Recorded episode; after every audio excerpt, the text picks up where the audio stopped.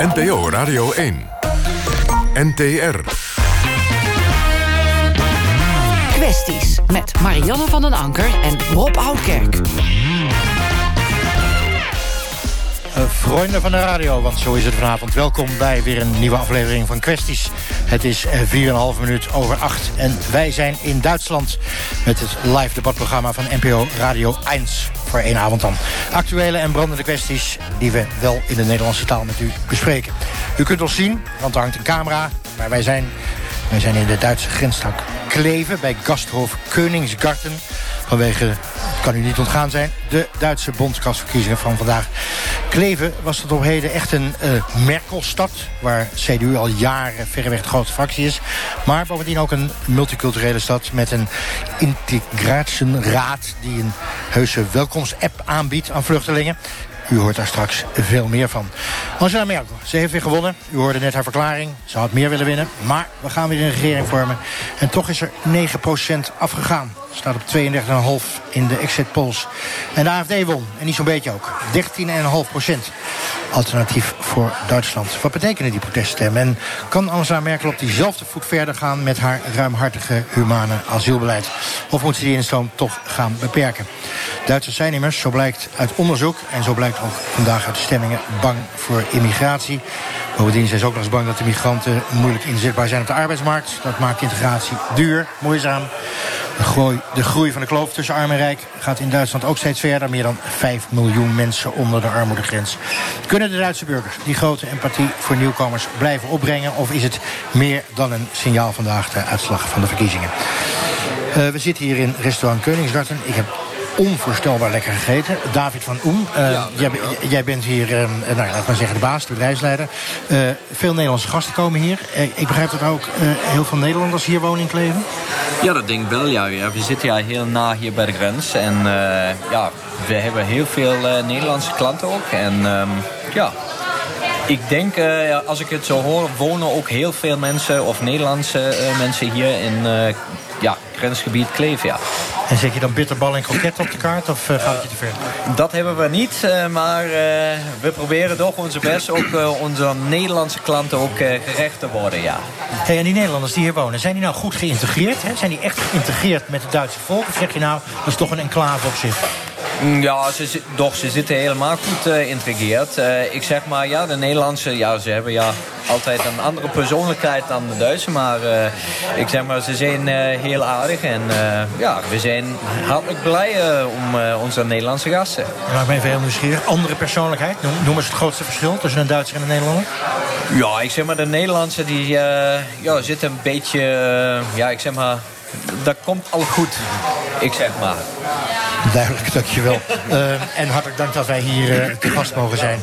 Uh, hoogleraar Europese politieke geschiedenis aan de Radboud Universiteit in Nijmegen, 25 kilometer hier vandaan. Wim van Meurs woont en werkt al sinds 1994 in Duitsland. Eerst in Berlijn, toen in München en nu in Kleven. Klopt, ik ben een van die Nederlandse persoonlijkheden. Ja. een van die Nederlandse persoonlijkheden. En ook nog kenner van het populisme en fascisme. Schreef een boek over integratie. Europa in alle staten. 60 jaar integratiegeschiedenis. Nou woon je en werk je in Nijmegen. En je leeft hier. Ben je nou Nederlander of Duitser?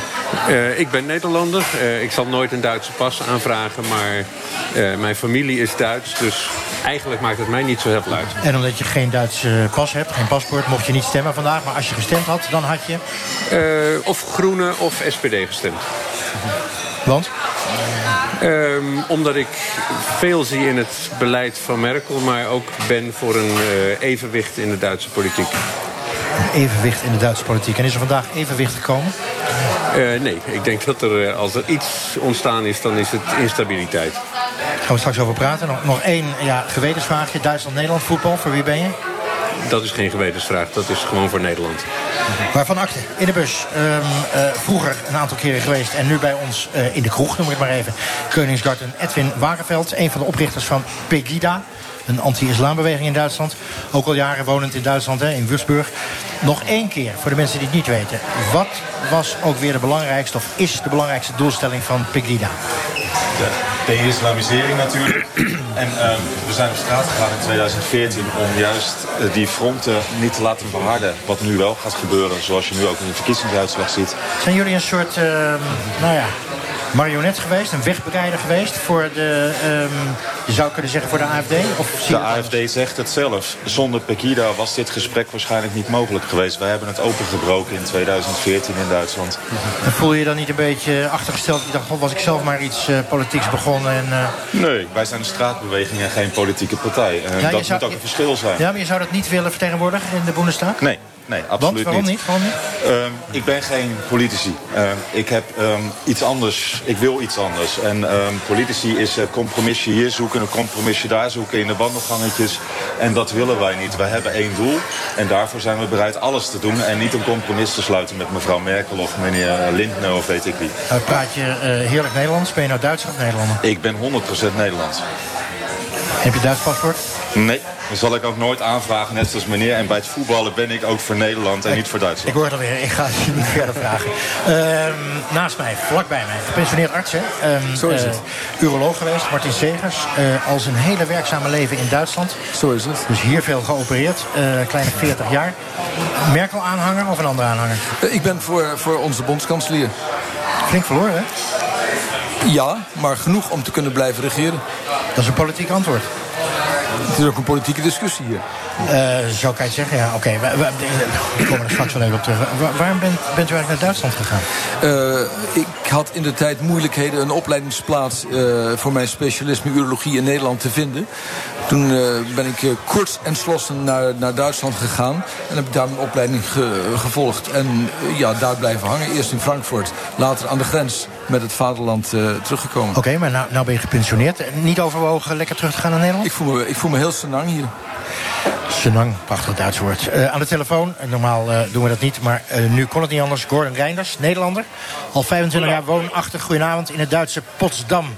Eh, geëmigreerd naar Duitsland, dus na de val van de muur. Waarom? Eh, waarom? Omdat mijn ouders er niet zo blij mee waren dat ik eh, in uh, militaire dienst in, Duits- in Nederland wilde blijven. En ik dus naar mijn vader in Keulen verhuisd ben, die een eh, geluidsstudio had. En eh, waar ik eh, een opleiding als geluidstechnicus en later geluidsingenieur heb gedaan. U zingt wat rond aan de telefoon, maar nog wel te verstaan. U heeft de redactie geïnformeerd dat u in Nederland, want in Duitsland mag u niet stemmen, eerst PVV heeft gestemd en onlangs op het Forum voor Democratie. Zou u in Duitsland voor de AFD stemmen? Nee. Want? Zo gek het ook klinkt, maar Nee, ja. ze zijn, eh, in, in sommige opzichten zijn ze me ja, toch een beetje achter, een beetje te radicaal. Eh, het is moeilijk op het moment in het, in het politieke eh, Duitsland. eh, ik, heb heel, heel, heel veel sympathieën voor eh, Sarah Wagenknecht, voor Enrico Gezi. En, maar ik zou inderdaad niet op de AFD stemmen. Ik ben wel blij dat ze nou in de Bondsdag ingetrokken zijn, omdat het, het politieke vlak in Duitsland een beetje een frisse wind zal geven. En eh, ja, voor mij is het ook geweest dat ik, dat ik zeg, de grote coalitie eh, heeft het land niet ver gebracht. En eh, de, de, de frisse wind zal, zal in de loop van de komende vijf jaar laten zien wat er gebeuren. Want ze komen met z'n 90 komen ze de Bundestag binnen. zo ongeveer, als je die peilingen mag geloven. Of die exit polls mag geloven. Ehm, u zegt eigenlijk, die AFD is mij net iets te radicaal. Radicaler dus dan de PVV, begrijp ik. Ja, ik weet, ik weet niet of je, of PVV echt met de AFD mag vergelijken. Er zijn een standpunten waar, eh, waar meneer Wilbers heel anders over denkt dan de AFD zou durven hardop te zeggen. Ehm, waar, eh, waar je natuurlijk in Duitsland met de geschiedenis eh, niet mee moet komen, dan kan je bij de NPD stemmen. Ehm, dus ze zijn, in sommige opzichten zijn ze, zijn ze radicaler dan een meneer Wilders en in andere zijn ze weer eh, ja, wat, wat linkser dan een meneer Wilders. Dus ik, ik geloof niet dat je de PVV en de AFD met elkaar mag vergelijken. Oké, dat eh, is dan weer een lesje voor mij. Eh, blijf hangen, alstublieft. Dan komen we zo je terug. Frank Wubbeking, eh, inwoner hè, hier in Kleef. Is het nou Kleef of Kleven? Wat is het nou? Nou, voor de Duitsers is het kleven. Ja. En voor de Nederlanders is het kleef. Dus mij maakt het niet uit wat je zegt. Nee. En je hebt een mooi Duits accent, maar je bent Nederlands, toch? Nee, ik ben Duitser. Je bent Duits? Ja. Kijk, dat is dan weer leuk. Ehm, eh, een aantal jaren in Nederland gewoond? Ja, ik kom oorspronkelijk uit Hannover. Ja? En ik heb in Spanje met vakantie in Nijmegen leren kennen. Drie jaar op en neer, elk weekend. En dan ben ik uh, verhuisd. Ik heb drie jaar in Nijmegen gewoond. En toen we uit elkaar zijn, ben ik dan naar de Duitse kant van de grens. Maar wel in deze regio blijven oh, hangen. Oh, ook toen de liefde over was, toch hier blijven hangen? Nou, wel op de Duitse kant, maar in deze regio. Hè? Dus uh, ik had ook naar München of, Hannover kunnen gaan. Oké, okay, een beetje tegen Nederland aan. Dus een beetje, beetje... Ja, lekker dichtbij. Want ik had eigenlijk graag in Nederland willen blijven wonen... maar het was administratief veel makkelijker om dan op de Duitse kant te zitten. Goed, je bent Duitser. betekent dat je gestemd hebt vandaag? Ik heb uh, net als mijn uh, buurman voor SPD en Groen. En ik stelde zo de vraag, waarom? Nou, dat was meer uit uh, overweging dan overtuiging. Het was om die twee uh, partijen bestaansrecht hebben... en ze zitten in een verzwakte positie. Dus ik moest hun helpen. Duidelijke taal. Uh, meneer Van Meurs, uh, 71 procent in 2013 naar de stembus. Vandaag weten we het nog niet. Um, die opkomst. 71 vind ik al laag. Het zal niet veel meer zijn vandaag. In Nederland is dat eigenlijk altijd meer, hè? 80, 82.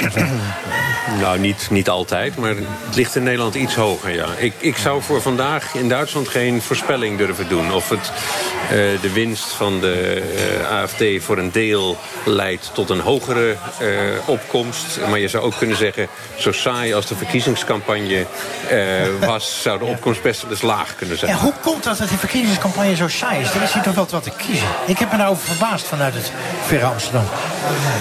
ik heb hier in Kleef, heb ik me er net zo over verbaasd. Alleen, je weet in Duitsland wel... inmiddels de, de SPD en, en het CDU uh, Schulz en Merkel zitten op zoveel punten zo dicht bij elkaar. Dat heb je ook in het debat gezien. Ja. Uh, er werd hier wel uh, gekscherend gezegd... het is eigenlijk Merkel tegen Merkel. ze liggen zo dicht bij elkaar. zo erg was het zelfs. Ja, het levert geen spannend debat op. Oké, okay, maar de een gaat nu de oppositie in, hè? dat mag je wel aannemen. Dus Merkel moet het schaffen.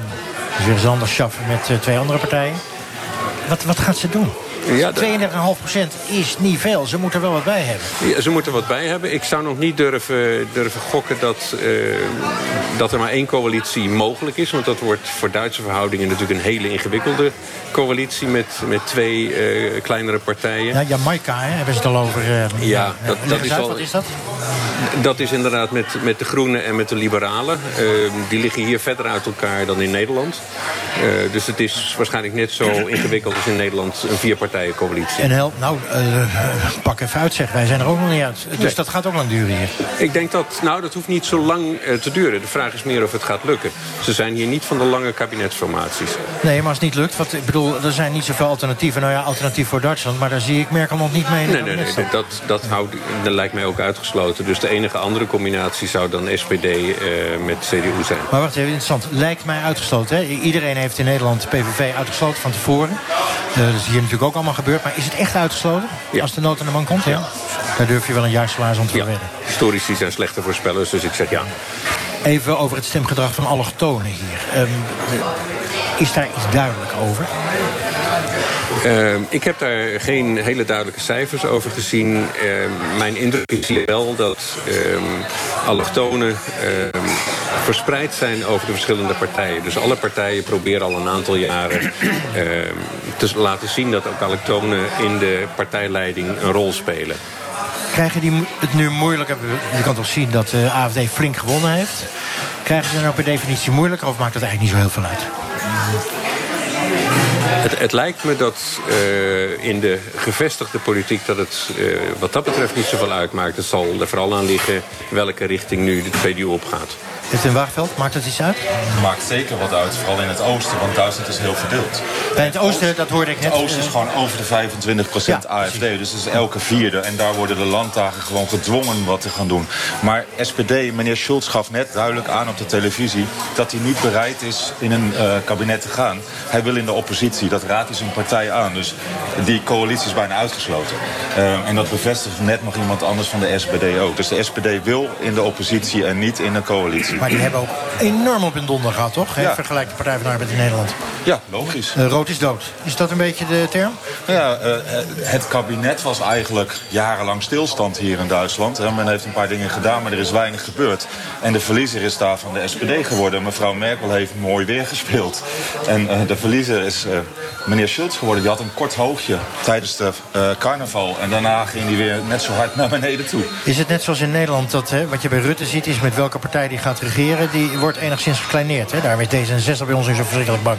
Want ze hebben toch een aantal andere partijen, CDA, PvdA, flink opgegeten. Is het vergelijkbaar in Duitsland? Ja, ik denk het wel. We hebben het gezien met, met de homo-eden. In één keer, het leek of Merkel het verloor... en ze trokken toch weer naar de toe op een gegeven moment. Dus ze trekt steeds die dingetjes naar haar toe. En dan lijkt het alsof zij degene is die hier alles regelt en doet. En de SPD die kijkt ernaar en er gebeurt weinig. ja, in de Volkskrant gisteren was daar een mooie analyse over. Hè. Zij neemt de standpunten van haar tegenstanders een beetje over.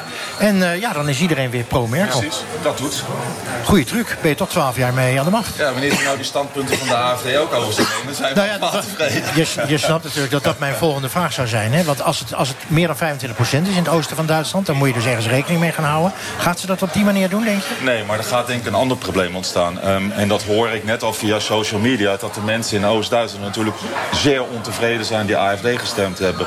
En ik ben natuurlijk daar ook op straat. Dus ik weet wat er onder die mensen leeft. En ik ben bang dat er iets anders gaat gebeuren. Um, dat, daar waarschuwen we al de hele tijd voor. En uh, deze mensen ga je niet stilhouden. Uh, we hebben het gezien. Dus de eerste keer dat er zulke protesten waren bij Merkel ook. Dat is nog nooit in Duitsland gebeurd bij verkiezen. Deze mensen gaan we horen. Die gaan we op een of andere manier horen. En ik hoop dat we eruit kunnen komen dat het met gesprekken gaat gebeuren. Maar ik ben bang dat er ook andere dingen gaan gebeuren. En dan vraag ik natuurlijk meteen andere dingen.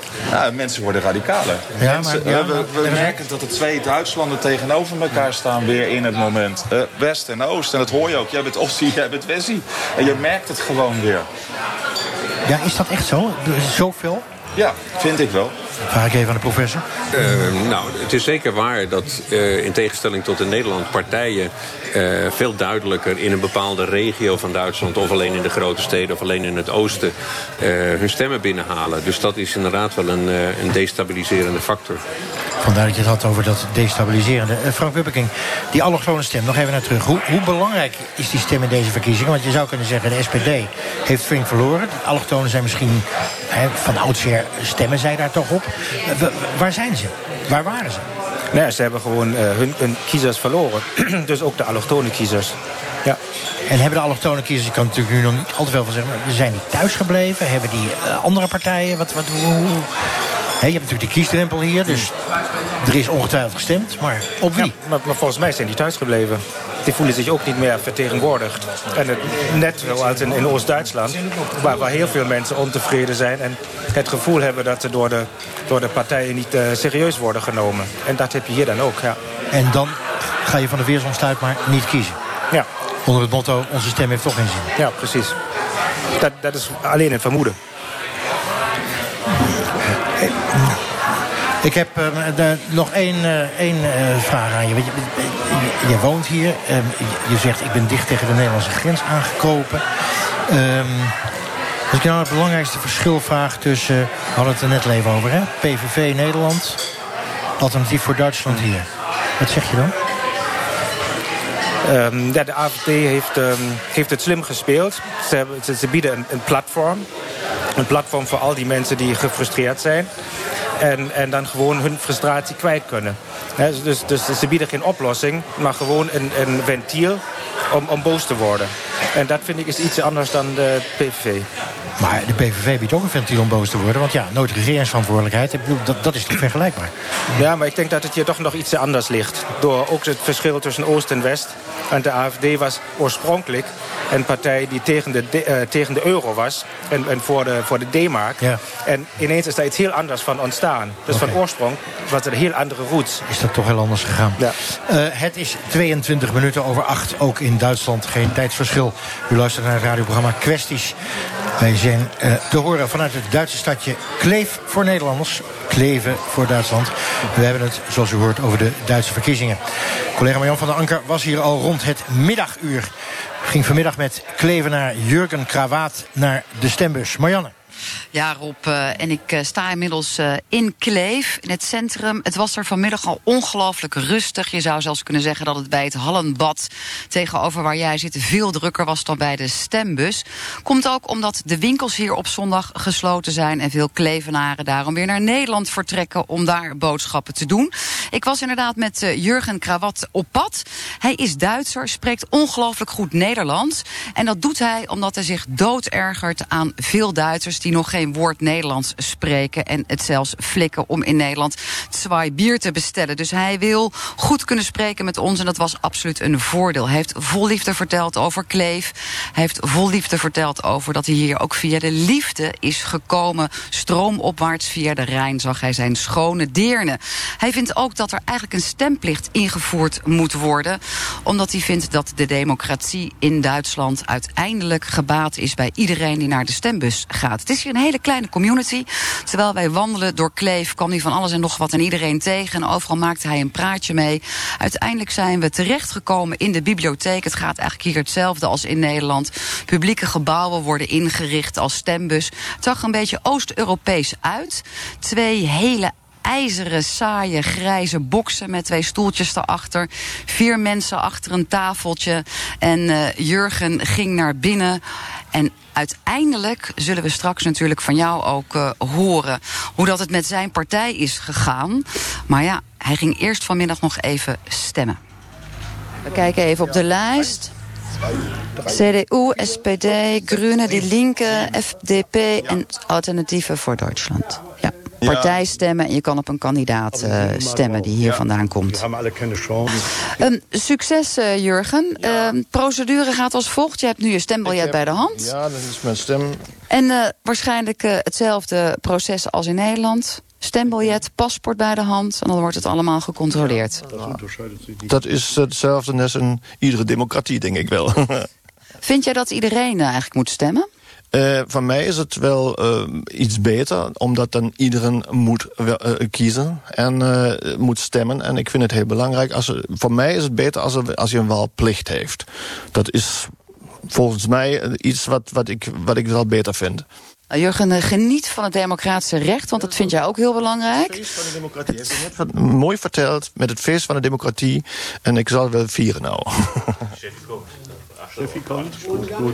En daar gaat hij in de grijze brievenbus. En dan gaat weer een wit papiertje op, zodat de gleuf wordt afgedicht. Ja. Zodat er geen fraude plaats kan vinden. Kruisje gezet waar je het wilde? Waar ik het wilde, ja. Wel waar. Voor de SPD en uh, voor allebei. Linker en rechterkant. En uh, dus voor, uh, voor de... wat zeg je, voor de regio, hier voor Kleef. En dus ook voor de Bondsdag in, in, in Berlijn. En, en daar heb je dan daar ook, ik hoop wel een stem aan de, aan de juiste plek gemaakt, ja. Martin Segers, uh, gepensioneerd uh, arts, Merkel-sympathisant. Uh, Jurgen Krawat zegt stemplicht. Goed plan? ik denk het wel. Ik denk het wel. Maar aan de andere kant moet je niet vergeten... als iedereen gedwongen wordt te stemmen... dan zou je ook al die mensen die nu niet gestemd hebben... en misschien ook uit protest AFD zouden kunnen kiezen... Uh, ook ertoe kunnen brengen hun stem op de AFD uit te brengen. Dus het kan, zou een tweesnijdend zwaard kunnen zijn. En dan zeg je dus weer, ja, maar dan liever niet, als het die kant uit wordt. Maar dat is toch democratie? Ja, zo is het. Ja, zo dus, is het. Ik bedoel, als die 29% die niet gekomen is, massaal op alternatief voor Duitsland stemt, ja, dan is het nou helemaal zo. Zo is het. Um, de vraag is of je dat uh, kan verwachten. Frank Webbeking, zou het zo zijn dat bij een stemplicht, dus ook voor de allochtone bevolking, de stemverhoudingen voor de Bundestag heel anders waren geweest? Ik denk niet dat het op uh, grote schaal zal verschuiven. Um, ik denk het gaan mensen van, van alle partijen niet stemmen. Dat is, uh, ik denk vooral de jonge mensen, die moet je meer triggeren door moderne uh, manieren om te gaan stemmen. Dat ze via, via app of, of via online kunnen stemmen. Dus dan krijgen ze veel makkelijker ja, naar de stembus dan virtueel. We gaan weer uh, naar Marjan van der Anker. Want um, die was vanmiddag niet alleen maar met Jurgen Krawat mee naar de stembus. Die grijze met dat witte papier erop tegen fraude. Nou, maar wat zal helpen op die manier. Maar ze ging eerder Kleef in om te vragen wat de Klevenaren... ik hoop maar dat ik dat goed uitspreek... nou vinden dat de AFD de derde partij van Duitsland... want dat zijn ze inmiddels, is geworden. Ja, Rob, en dan moet je je toch voorstellen dat als je dan op straat loopt en het nog geen waarheid is dat de AFD 13,5% van de stemmen heeft gehaald, dat veel mensen het toch niet zo plezierig vonden om daarover te spreken. Je merkte dat men bang was dat de AFD überhaupt zoveel stemmen zou kunnen krijgen. Wat we ook vaststelden is dat veel mensen zoiets hadden van ja, het is echt een natiepartij. Het woord rechtspopulisme viel niet eens zo vaak, maar vooral het is een natiepartij. En men was ook uiteindelijk best wel bang voor de positie van migranten. Dat kwam kwam ook gek genoeg omdat wij op straat veel mensen spraken die uiteindelijk SPD wilden stemmen. Nou, die partij die rood is en dood is. En uiteindelijk moesten we ook vaststellen dat hier in Kleef eigenlijk sprake is van een best wel Merkel-bolwerk. De mensen die wij spraken dachten daar anders over. Wat ook nog interessant is dat we nog even hebben gebeld rond zessen toen net de exit polls bekend waren. Met uh, Halouk Yildiz, voorzitter van de BIG-partij. Dat is de enige migrantenpartij die er in Duitsland is. Die hebben de kiesdrempel zo, als ze zelf inschatten, van 5% niet gehaald. Dus deden ze niet mee. En we hebben ook aan hem even gevraagd van... ja, wat vind je er nu van dat de AFD zo groot is geworden? Toch met meer dan 13% straks in die Bundesdaak. Toen zei hij eigenlijk iets heel opmerkelijks, namelijk door de telefoon... dat hij zei, dat is eigenlijk geen goede, goed teken voor de democratie... dat AFD zo groot is geworden. Maar de Klevenaren die reageerden er op straat als volgt op. Als het ging over die AFD. We doen wel als een alternatief, maar ze zijn geen echte alternatieven. Ze zijn, uh, ja, ze, bij ons noemen ze nazi's. Echt, zijn echte uh, rechtsuitleggers, uh, zeg maar. En ik vind het niet leuk als ze bij ons een, een, een, een voet tussen de deur krijgen? Um, voor die alternatieven van Duitsland uh, is natuurlijk vrijheid. Het is ook goed dat ze kunnen stemmen. Maar ik ben niet eens met die partij. En ik uh, vind ook niet dat ze ja, uh, vele plaatsen moeten hebben in Duitsland. Het is niet goed voor Duitsland. Het is een albtraum voor Duitsland. Also, ik vind het niet mooi dat die partij is aangetreden... voor überhaupt in de Bundestag te komen. Ik vind dat niet mooi. Dat is een schande voor Duitsland. Een schande voor Duitsland. Aan de telefoon nog steeds uh, Gordon Reinders, Nederlander. 25 jaar woonachtig in het voormalige Oost-Duitse Potsdam. Uh, wat vindt u van die zetelwinst, die flinke zetelwinst van die AFD? Um, zoals ik al zei, ik, ik, het verbaast me niet. Um, ik denk dat het, dat het voor de Duitse politiek een, een, een uitdaging is. Um, het spreekt net, zoals ik hier in Nederland inderdaad toch al vaak PVV als voorbeeld neem, neem en Le Pen als voorbeeld neem, dat, dat, dat ik gewoon zie als Europeër dat er een rechtse ruk in Europa is. En de mensen hebben daar ook uit mijn zicht een, een reden voor. Uh, ik noem Parijs, ik noem Londen, ik noem Berlijn. Um, we weten waar we het over hebben. Dus uh, daar zijn ook de mensen, net zoals Nederland en, en Frankrijk ook, daar zijn de mensen bang voor. En uh, willen dat het tenminste aangesproken wordt in de politiek. Want hier in Duitsland is wel een beetje zo dat ze graag alles een beetje ja, in de doofpot stoppen. Je hoort er niks meer van. En uh, sociale media uh, doen natuurlijk veel. En zeggen natuurlijk veel, als ik alleen al kijk wat er, wat er gehetst wordt op de AFD. Dat wat u zegt, het, uh, u, spreekt over een, een, een rechtspopulistische partij. Nou, dat zal je hier in Duitsland inderdaad over deze partij niet horen. Oké, okay, zet er eventjes, want de, de, mooie analyse. U zegt van, nou, die mensen zijn toch bang voor aanslagen, bang voor terrorisme. Bent u zelf bang voor de islam? Um, ik, ik hou het in de gaten, ja. Ik, ik heb twee dochters, ja, zo... 13 en 17. En um, wat er op de Domplaats gebeurd is, wat er hier in Berlijn gebeurd is... en mijn kinderen wonen in Keulen... Uh, dan maak je je wel zorgen, ja. Wat voor een generatie, wat, wat met mijn volgende generatie hier gaat gebeuren. Okay, ja, daar, daar, daar, is men wel mee bezig. Oké, okay, ja. uh, ik hou het in de gaten. Uh, zou een prachtig Nederlands eufemisme kunnen zijn voor... nou, ik ben er toch wel een beetje bang voor. hey, dat vroege Oost-Duitsland, meer dan 25 procent op de AFD. Waarom zijn die Oost-Duitsers dan zoveel banger dan de West-Duitsers? We hebben het natuurlijk over, twee verschillende Duitse culturen. Een cultuur die onder een regime groot geworden is waar ze verzorgd waren, waar niemand op straat was. En we hebben het over een Duitsland die uh, zichzelf graag het joch van hun geschiedenis op hun schouders laten. Om, uh, om in, in, in, ik zeg maar, gecompliceerde kwesties zoals de islamisering van Europa uh, daar niet over hoeven te praten. Oké, duidelijk. Blijf even hangen. Uh, ik vraag het weer even aan onze professor uit Nijmegen. De, wat Nederlanders natuurlijk interesseert is... waarom is er zoveel aandacht in Nederland voor die Duitse verkiezingen? What's in it for us? Er hangt voor ons heel veel vanaf. In de buitenlandse politiek volgen wij buitengewoon braaf uh, de buitenlandse politiek van Duitsland. Uh, we zijn economisch afhankelijk van Duitsland, maar vooral de, de lijn in Europa wordt door Berlijn bepaald en in Den Haag gevolgd. Rutte is het schoothondje van Merkel. Het schoothondje, de kleinere coalitiepartner zou je kunnen zeggen, ja. Over eufemismes gesproken, ja. Nee, nee, ik, ik begrijp het. Maar de, Je zou dus kunnen zeggen dat die verkiezingen die hier hebben plaatsgevonden vandaag... voor Nederland misschien wel net zo belangrijk zijn als voor Duitsland.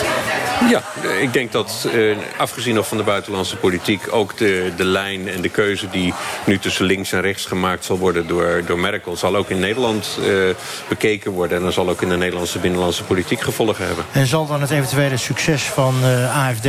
Op welke manier ze dan ook succes zullen hebben...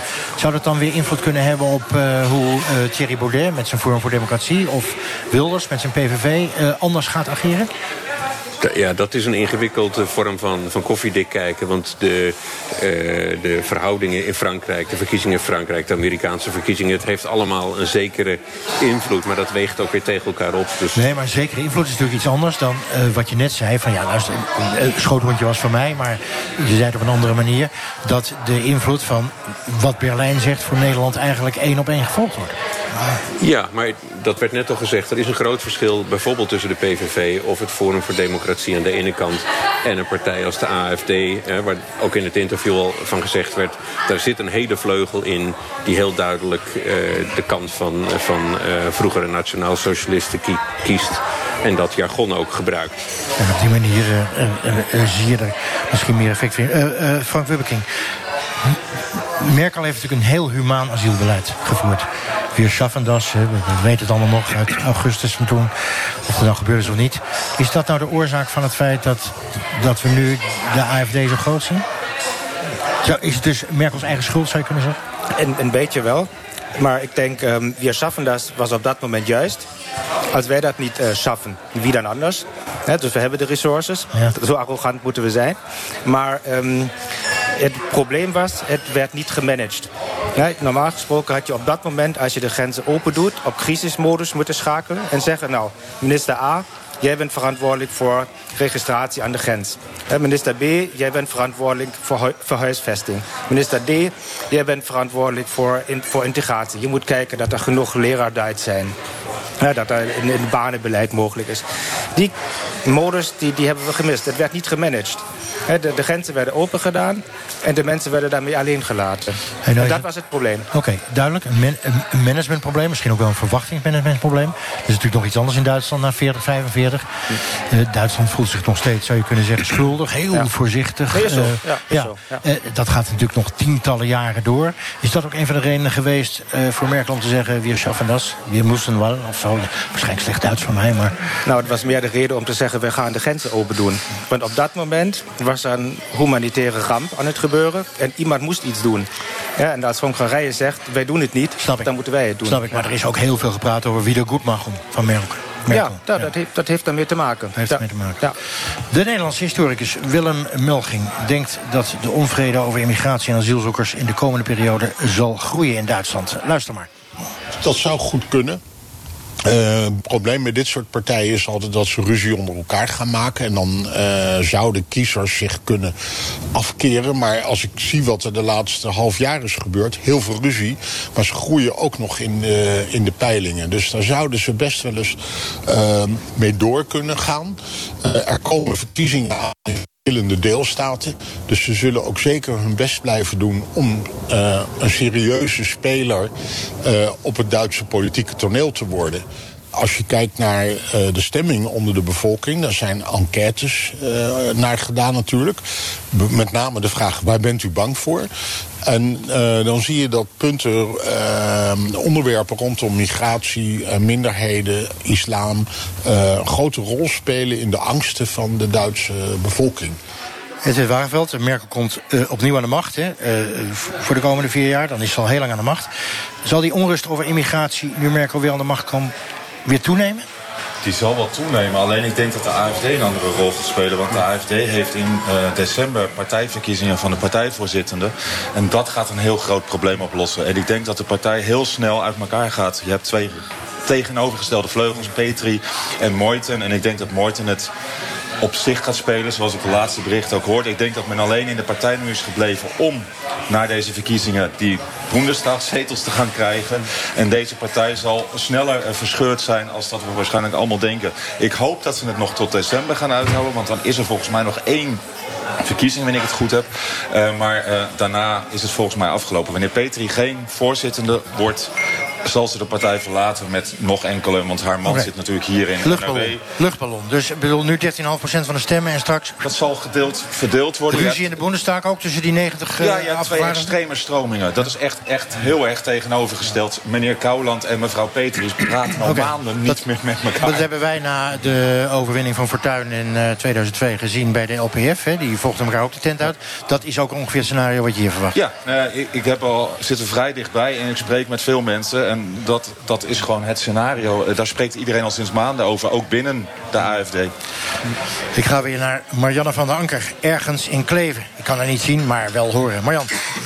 Ja, we hebben natuurlijk als het gaat over oplossingen en waar jullie het over hebben op straat eh, ook gevraagd of dat het niet goed zou zijn als er een rem zou komen op de instroom van asielzoekers. Wat dan opvalt is dat veel mensen op straat heel graag eerst het onderscheid willen maken dat je in Duitsland migranten hebt, die wonen hier al een tijdje en zijn vaak om economische redenen naar Duitsland toegekomen of als gastarbeider of anderszins en de echte vluchtelingen. En voor de vluchtelingen merkten we in Kleef, voor de mensen die wij spraken op straat, dat er heel veel barmhartigheid is, heel veel gevoel van we moeten helpen. Dat je ook merkt dat er die oude Duitse gevoelens van we hebben ooit de wereld al een keer in de steek gelaten. Dus dat moeten we niet, vooral niet nog een keer doen. Dat die heel erg doorspreekt in het kader van die barmhartigheid bij vluchtelingen. Althans hier in Kleven. Wat we ook hebben, zelf hebben ervaren, is dat er zo'n verschil op straat is in, in hoe je mensen zelf beoordeelt. We waren natuurlijk rond aan het lopen, vroegen mensen naar dit onderwerp. Eerst spraken een aantal duidelijk migranten aan. Dat kon je gewoon zien vanuit uh, hun uiterlijk. Die spraken dan geen Duits. En er stonden dan weer andere mensen omheen. En die zeiden ook van ja, er zijn toch ook wel voor een deel criminelen. Je kunt hier eigenlijk ook niet meer fatsoenlijk op straat lopen. Ook al is het in Kleef heel gemoedelijk. En toen kwamen een andere duidelijke migrant tegen. Die stond een beetje op ons te, uh, te wachten. En die wilde graag meepraten. En eigenlijk hadden wij zoiets van nou, wat doet deze man nou hier? En vervolgens blijkt dat een super hoog opgeleide migrant te zijn. Sprak zes talen vloeiend. Deed ook nog zijn best om ons in het Nederlands te woord te staan. U hoort hem in hetgeen wat u zo direct te horen krijgt. Maar ook nog heel veel andere mensen die we hebben gesproken op straat. En antwoord geven op de vraag of er een rem moet komen op de instroom van asielzoekers voor mij is dat geen probleem, omdat wij hier heel veel mogelijkheden hebben. We hebben ook demografieproblemen, uh, vak mensen te krijgen of zo. En het zijn ook mensen die heel goed werken kunnen en die ook van universiteiten komen of zo. Dat zijn niet alleen maar de stomme klootzakken van de andere kant of zo. Dat is wel belangrijk voor mij, dat te zeggen, ja. Nee, dat vind ik niet. Immigranten is niet zo slim. Dat zijn mensen die, zijn, die vliegen voor krieg en dood. En die moeten helpen. En ik vind het zo dat man die mensen helpen moet. En dat is beter als man als Polen, Tsjechen, Ungarn, die zeggen nee, die mensen willen niks hebben van ons. Die willen bloos ons geld. Ik vind dat niet goed. Uh, geen stop en geen max. Ik denk dat Duitsland, uh, ja, is er veel gebeurd in het verleden. En ik denk dat wij voor die mensen daar moeten zijn en hun moeten helpen. Ja. Ja, er muss een, een plek voor iedereen zijn hier in Duitsland. Wij zijn een sociale staat en wij hebben, uh, we müssen, we moeten helpen. Wij moeten helpen. Wim van Meurs, hoogleraar Europese politieke geschiedenis. Laat ik maar een concrete vraag stellen. Wat is het maximaal aantal asielzoekers dat Duitsland aan kan? Uh, ik denk het enige interessante aan die vraag is dat uh, het CSU daarmee helemaal vastgelopen is om een soort alternatief, een soort uh, tegenwicht tegen Merkel te bieden in, in de asielvraag. Door allerlei discussies te beginnen over een maximum en hoe hoog dat dan zou moeten liggen. Want wat net al gezegd werd, er is een hele groep Duitsers, een aantal partijen, als je die optelt, die in die vraag heel duidelijk de kant van Merkel kiezen. En dat is uh, de meerderheid. En er is een groep die daar radicaal tegen is. En die vang je niet met uh, een maximum waar dat dan ook precies ligt. Frank Wubbeking, um, allemaal welkom? Nou, allemaal welkom is een beetje te makkelijk.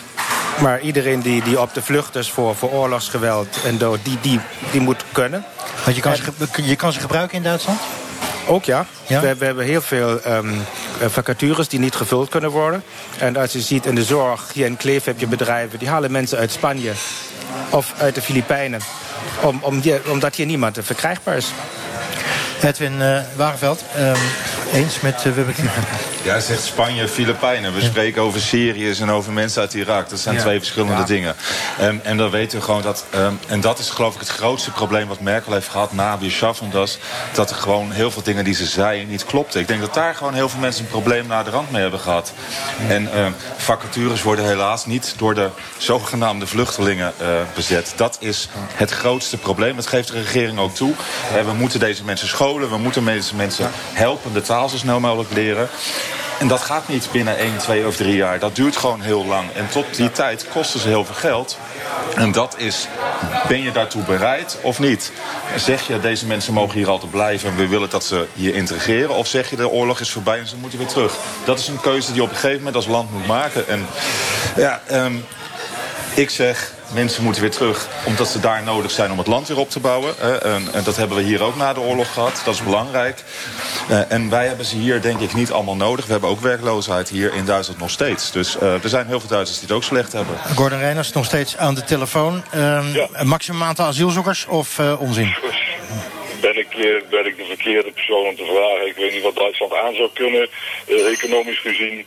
En eh, waar het vol is, het gaat ook om, om, om de, de, veiligheid van de, de, de, de vluchtelingen die hier naartoe komen. En je hoort verhalen uit eh, asielhuizen waar christelijke Irakezen en Syriërs eh, ja, om hun leven eh, bang zijn. En je moet kijken wat voor mensen komen hier naartoe. En dan moet je ja, duidelijke grenzen zeggen van ja, dat hier moment gewoon niet, eh, niet, niet welkom.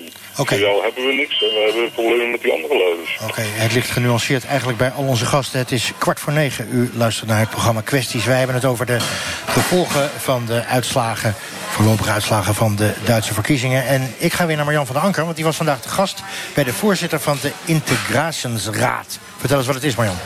Ja, ik was eh, inderdaad daar te gast. Kopjes koffie, thee, koekjes. Ze werden geweldig eh, ontvangen bij de heer Hussein Ezer. Hij woont al 24 jaar in Duitsland, heeft zijn eigen bedrijf... en werkt op vrijwillige basis bij die Integrationsraad, zoals jij al zei. Dat is een, eh, een raad die eigenlijk elke stad in Duitsland heeft. En al die raden hebben als functie om nieuwkomers te begeleiden... en te helpen met scholing en het vinden van werk. De Integrationsraad organiseert ook feesten om de burgers bij elkaar te brengen. Er zitten vooral nieuwe Duitsers in, ex-asielzoekers in dat soort raden. In Kleef zijn dat er 14. 14 mensen bevolken de Integrationsraad. En ik vroeg de heer Ezer wat hij vindt van de kritiek op het vluchtelingenbeleid. Natürlich kann man dann noch sagen, äh, die Flüchtlinge oder die jetzige Situation mit dem Terrorismus und so weiter ist auch nicht so einfach. Und dadurch äh, die Leute selber, weil auch äh, viele auch ein bisschen Angst haben, nehme ich an. Aber normalerweise sollten sie auch nicht, weil Deutschland ist ein stabiles Land und ein demokratisches Land und der wird auch so bleiben. Aber auf der anderen Seite natürlich, es wird immer so kleine Probleme geben. Aber ich bin der Meinung, da sind nur kleine Probleme und die auch lösbar sind. Hij is niet bang voor de rechtse kiezer. Een charme-offensief voor de vluchtelingen is niet nodig, aldus Ezer. Wir haben auch hier sehr viele Migrantenkinder, die natürlich auf der Strecke bleiben, weil die äh, zwischen zwei Kulturen leben und äh, die, Schulische natürlich nicht packen, meistens viele. Und, deswegen haben wir schon hier ein bisschen äh, Probleme von meinen äh, Ansichten. Problemen met de scholing dus en ook met het vinden van banen voor de jongeren. Want in de regio is wel werk, maar vooral alleen maar in bepaalde beroepsgroepen. Voor werk in de grote stad moet je weer gelijk 60 kilometer verderop reizen. Maar discriminatie, arbeidsdiscriminatie is er niet volgens Ezer in Kleef. Ezer had vanmiddag ook twee vluchtelingen uit Noord-Irak eh, te gast. Ze zijn hier gekomen hier met hun vrouw en vijf kinderen. Allebei de gezinnen. Deze uh, mensen mogen natuurlijk nog niet stemmen. Ze zijn nog geen Duits staatsburger. Maar ik heb wel gevraagd wat ze zouden stemmen als ze dat hadden mogen doen. Ezer stemt overigens zelf op rood op de SPD. Maar de vluchtelingen uit Irak stemmen anders.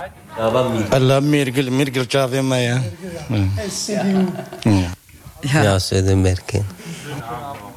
Dat heeft dan toch te maken met uh, Mouti Merkel. Dat merk je direct. De vluchtelingen en de migranten die wij spraken bij uh, Hussein Ezer vandaag... die begrijpen de angst voor de islam wel.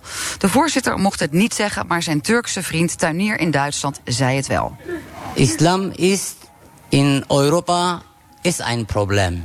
Wenn in Islam ist kein Problem gewesen, die, sollte, die hätte ganze Flüchtlinge nicht Europa streuen dürfen. Wim van Meurs, eh, hoogleraar Europese politieke geschiedenis. Die, die angst om over die AFD te praten bij vluchtelingen, is dat te begrijpen? Nou, ik vind het ten eerste de, de keus van vluchtelingen die, uh, die voor Merkel uh, stemmen. Uh, dat heeft niks met, met Mouti te maken. Dat is gewoon een, een, rationele keuze. Dat is de partij die bereid is om zich in te zetten. En ik, ik vind ook eerlijk gezegd, het zit met Nederland ver, vergelijkt. Het management van de vluchtelingenstroom hier in Duitsland... die is veel beter dan in Nederland. Ja? het, het wordt keurig proportioneel over steden verdeeld. Er zijn geen grote opvangcentra. Uh, Kleef heeft een bepaald aantal vluchtelingen. Het kleinere Kranenburg nog een geringer aantal vluchtelingen. Ik heb daar ook heel veel positieve uh, zaken gezien. Hoe het georganiseerd is en hoe vluchtelingen uh, werk vinden... of een stage vinden als eerste begin van integratie. Wij, wij doen het in Nederland met onze bed, bad en brood-discussies... en allerlei andere discussies slechter dan in Duitsland. Ja, zeker. Omdat het hier gruntiger is, georganiseerder is, de Duitse mentaliteit? Uh, ja, misschien mag het daaraan liggen, maar het is in elk geval het is, uh, het is goed georganiseerd. Want Frank Wubberking zei nou juist dat na weer Schaffendas, dat, dat, dat managerial gedoe, dat het juist een probleem was. In het begin wel, maar we zijn nu twee jaar verder. Maar in het begin was het zo, bijvoorbeeld uh, Vliegveld Weetse. Nee, die krijgen zaterdagmiddag een telefoontje. Hey, over drie uur krijgt u vijf bussen met uh, 400 uh, asielzoekers. Ga maar regelen. En dan doe maar. Ja, en, en daar hebben ze natuurlijk inmiddels heel veel van geleerd. En uh, ja, nu twee jaar verder gaat het toch uh, stukken beter. En de toestroom is natuurlijk veel, veel minder dan, dan uh, twee jaar geleden. Oké, okay, dus de Duitse gruntigheid ja. plus een aantal andere factoren helpen ja. daarmee. Nog één keer Marianne, um, over de kiesdrempel. Dat is wel interessant in Duitsland, hebben wij natuurlijk niet. hier moet een partij minstens 5% van de stemmen halen om in het Duitse parlement te komen. Dat zou in Nederland bijvoorbeeld tekenen dat een partij als Denk drie zetels. Forum voor Democratie, twee zetels. Die zouden in Duitsland dus gewoon niet in het parlement komen. Uh, moet die kiesdrempel worden afgeschaft? Marianne? Ja, dat is inderdaad een heel uh, interessant uh, gegeven. De mensen in Kleef die daar vandaag natuurlijk van over spraken... die wisten natuurlijk, dat kan niet anders. Aan de ene kant tussen, ja, als je meer partijen hebt... heb je ook meer keus, want dan zit er ook meer smaak bij. Aan de andere kant zeggen mensen natuurlijk ook... dit is wel lekker overzichtelijk. En wordt er natuurlijk ook gesuggereerd dat je een zekere aanhang moet hebben, anders kan je niet meedoen. Wat eigenlijk nog interessant is, is dat wij Haluk Yildiz hebben gesproken, die voorzitter van die BIG-partij, die we eerder in de uitzending ook al memoreerden, die uh, niet mee heeft gedaan, omdat zij zelf denken als migrantenpartij, we hebben maar 2,5% aanhang, dus ja, we doen niet mee, want dan raken de stemmen ook alleen maar weer straks verspreid over andere partijen. Daar hadden ze geen zin in. Deze meneer zei wel, Haluk Yildiz, van nou, um, wij gaan natuurlijk wel straks enorm hard meedoen en zorgen dat ons aanhang wordt vergroot. We hebben 20 20% migranten in Duitsland. En dan rekent hij ook Polen en Roemenen toe. De mensen die na de Tweede Wereldoorlog ook naar Duitsland zijn gekomen. Onze strategie wordt in ieder geval om ons als BIG-partij, als migrantenpartij, lokaal sterk te gaan positioneren. Omdat pas sinds kort het politieke bewustzijn bij migranten is toegenomen. En die was eigenlijk vrij optimistisch. Die zei, die rechtspopulistische partijen, die halen wij over een aantal verkiezingen met gemak in. Maar vooralsnog heeft uh, Duitsland te maken met die kiesdrempel. En heb ik in Kleef vanmiddag gevraagd aan mensen of dat de kiesdrempel op 5% moet blijven of moet veranderen. Um, ik denk 5% zijn eigenlijk best wel goed. Omdat ja, je moet wel mm, mensen achter je hebben die ook jouw mening hebben. Ik denk minder, dan heb je ook een beetje te veel partijen. En dat er dan uh, best wel moeilijk wordt met de uh, coalitie. Ik weet niet hoe dat heet. Ja, coalitie is ja, uh, ja. allemaal hetzelfde. Volgens mij komt het ooit uit het Latijn. Ja, maar um, ja, ik denk eigenlijk 5% is goed. Ja, ze moeten ook een mening kunnen hebben. Ja. Uh, een beetje hoger. 10% was goed. Uh, nee, niet meer. Maar ik denk 5% is goed. Omdat al een chance hebben. Ja, chance hebben. Chance hebben. Je hebt een kans of je hebt al een zekere aanhang. Ja, ja. We hebben in Duitsland uh, nu meer als 30 uh, partijen, denk ik. Keuze zat, zelfs met die 5% kiesdrempel. Ja. Martin Segers, uh, goed idee, die 5% uh, van tafel? Ik vind van wel. Uh, als je kijkt hoe Duitsland in het verleden met die 5% kiesdrempel is gevaren... is dat eigenlijk heel, heel, heel goed geweest. Uh, je kan het niet één op één uh, transponeren naar Nederlandse verhoudingen. Uh, Nederland is met zijn of met haar systeem ook heel goed uit, uit de verf gekomen. Elk systeem heeft zijn voor- en zijn nadelen. Maar ik geloof dat je in Duitsland hier met 5% is altijd een compromis. Je kan natuurlijk in dit geval zeggen 15%. Maar 5% dat is genoeg. Meneer Van Meurs? Nou, het is heel simpel. Uh, in Duitsland is die 5% inderdaad na de oorlog ingevoerd om stabiliteit te krijgen. Als we dat in Nederland hadden, dan hadden we nu al een kabinet. Nou, dat lijkt me een duidelijk standpunt. Ja, Met nee, andere woorden, nee, wat moet... Ja, lijkt me wel. Wat gaan we dus in Nederland doen? Hup, erin. Nee, elk politiek systeem heeft zijn tradities en zijn, zijn conventies. Daar verander je niet makkelijk iets aan. Maar je moet dus ook niet doen alsof Nederlandse regels beter zijn dan de Duitse. Nee, maar al die kleine partijtjes in Nederland. Hè? We hebben er nu 13 in de Kamer. Dat maakt het politieke speelveld nou niet bepaald overzichtelijker, zeggen de meeste critici. Ja, dat, dat klopt ook. En de, de keerzijde is dat je wel ook kleinere geluiden uh, een stem geeft in de Nederlandse politiek. Hoe gaat het eigenlijk hier als je onder die 5% bent? Wat, wat gebeurt er met die stemmen eigenlijk? Die worden op een hele ingewikkelde manier verdeeld over de andere partijen. Een hele ingewikkelde, hele manier. ingewikkelde manier. Ik voel uh, democratie. Ja, oh, ja, sowieso, maar uh, ook democratisch? Uh, er zijn heel veel systemen... Ja, er wordt heel zijn... veel neergeschud namelijk hier op tafel. 13,4% was het volgens mij bij de laatste verkiezingen. Die, want de AFD had toen 4,7. Volgens mij de FDP 4,8. Die gewoon wegvielen. En daar heeft Merkel heel veel van geprofiteerd. Maar wacht, de grootste wacht even, wacht partij krijgt het meeste hè, wanneer je het weer verdeelt. Dus Merkel heeft heel veel AFD-stemmers verleden keer gekregen. Heel veel FDP. Ik vind 4,7 en 4,8 procent echt een massa aan stemmen die gewoon wegvalt. Ja? En 13,4 procent verdelen over uh, toen vijf andere uh, partijen die in de Bundestag zaten. Dat vind ik een, echt een enorm aantal. Uh, Frank Webbeking, we hebben oud-journalist. Wacht even, hè. onder de 5 procent kom je. Dan hoor ik net van de professor, dat wordt op een hele ingewikkelde manier verdeeld. Daar krijg, daar, daar, dat voelt bij mij niet lekker. Als ik dat zo hoor. Dan denk ik, um, er wordt toch niet gesjoemeld, neem ik aan. Nee, maar daar heeft nog, nog, nog nooit eigenlijk iemand echt goed naar gevraagd. Nee, dat bedoel ik. Maar het is altijd als, uh, als een gegeven, als een feit genomen. En ja, dus er heeft nog nooit iemand echt over, over nagedacht eigenlijk. Food for thoughts in goed Duits. Um, ten slotte, Wim van Meurs. De uitslag van deze verkiezingen. Reden tot optimisme of pessimisme voor Duitsland? Uh, eerder tot pessimisme. Want de positie van Merkel en van de SPD is heel uh, zwak geworden. Uh, zeker als we weten dat Merkel nog vier jaar, maar niet langer zal regeren. Dus uh, er wordt nu gekeken wat komt er daarna en wie gaat zich positioneren. Een beetje een aflopende zaak ook. Ik bedoel, als ik het even vertaal. Aflopende zaak voor Merkel. De laatste vier jaar. Het wordt toch, bedoel, je moet eigenlijk meer naar daarna kijken dan naar nu. Dat, dat, gaat zeker gebeuren, ja. ja. Lastig met al die Europese problemen die we nog krijgen. Um, ik vraag het ook aan uh, Martin Segers, gepensioneerd arts. Uh, Merkel-sympathisant. Lekker, nog vier jaar Merkel. Uh, optimistisch of uh, pessimistisch? Ik ben altijd optimistisch. Maar, Gewoon van huis uit? Uh, van ja, huis uit, ja. maar wat betreft vier jaar Merkel... zoals mijn ges gesprekspartners zeiden, er wordt gepositioneerd. En zoals het in Duitsland gaat, is het meestal dan dat halverwege de rit...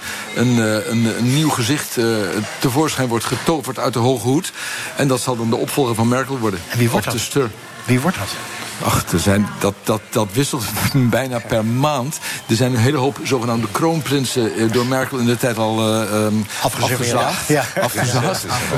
Ja. Um, uh, er is sprake van dat er als een, als een soort compromiskandidaat... de, de, de oude minister van Financiën nog een keer kanselier zou kunnen worden. We zullen het zien over twee jaar. ten slotte, Edwin Wagenveld. optimistisch na deze uitslag vanavond? Ik denk waar wij in 2014 mee begonnen zijn... dan zeg ik nu weer schaffen ja. Um, we gaan door en uh, er moet wat veranderen in Duitsland en weer schaffen dat. Oké, okay, maar je hebt geleerd van uh, Frank Wubbeking. Zorg dan wel dat je dat goed managt, anders ja. gaat het uh, mis. Uh, en dat um, hebben we dan als mooie conclusie hier vanavond... in de Koningsgarten in Kleven of Kleef. ik dank u hartelijk voor het luisteren. Discussieer met ons mee op Twitter. En kijk ook op onze Facebookpagina. Zo direct, Radiodoc. Ook weer over Duitsers, maar dit keer twee uitzonderlijke. De milieuactiviste Gisela Kallenbach... en de kleine zelfstandige horlogemaker Jurgen Schneider. Duitser kan het eigenlijk niet. Wij gaan uh, een halve liter bier drinken. Met z'n allen hoor, we delen dat netjes, zeg ik tegen u. Ik wens u een uh, prachtige zondagavond. Ja.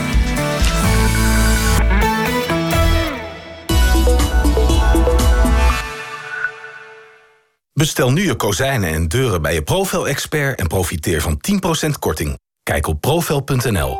Profel. Kozijnen en deuren met glasheldere beloftes. Altijd de reis waard, want het voelt als thuiskomen. Dat zeggen bezoekers over de pont. Kom ook naar Tilburg, net als de bijzondere kunstwerken... die van ver terugkeren voor de 25e verjaardag van het museum. Samen met werken uit de vaste collectie... vormen ze de tentoonstelling Weerzien. Een feestelijke reunie met kunst van nu. Wij zijn nieuw. Nieuw 10. Wij lenen geld aan bedrijven. Helemaal digitaal. Duidelijk, simpel, snel. Van 20k tot 1 miljoen euro. Van bakkersketen tot techhelden. Als ondernemer weet je binnen 15 minuten of je het geld kunt lenen. Met duidelijke voorwaarden. Nieuw 10. De nieuwe norm in zakelijk leden. Een initiatief van ABN AMRO. Check nieuwten.com. De hemelspiegel van Anish Kapoor betovert je al bij aankomst. Tot weerzien bij de pont. Leiderschap gaat altijd over jezelf kennen. Ik was, ik was er gewoon te obsessief mee bezig. Het moest lukken, weet je wel. Waardoor je jezelf heel veel stress oplegt. En voor ik het wist had ik klanten, zeg maar. En daar schrok ik wel van, want ik had nog geen bedrijf. De gedachte dat je een bedrijf helemaal in je eentje kan opzetten... en dat dat helemaal succesvol maken, dan, dan heb je het gewoon helemaal fout. Openhartige gesprekken met inspirerende ondernemers. Dat is Groeifactor. Het inspiratieplatform van MKB Brandstof. Beluister alle gesprekken waar en wanneer je maar wil op groeifactor.nl. Groeifactor beweegt ondernemers. Hey Loes, de beamer is stuk. En oh, ik heb een nieuwe. Morgen hangt die. Ah, mooi. En onze stagiair David, die is ook bijna jarig en hij houdt heel erg van koken. We dus hebben een Vietnamees kookboek. Is dat wat? Ja, ja, top. En um, ja, we willen eigenlijk morgen een pingpongtoernooitje houden. Petjes, balletjes, heb ik. Oh. Ja, en een netje? Heb ik ook. Alles voor je bedrijf op voorraad hebben? Je kan het met bol.com. Want met een zakelijk account heb je een voorraadkast van 15 miljoen artikelen. Vandaag besteld, morgen geleverd. Ga naar bol.com slash zakelijk. NPO Radio 1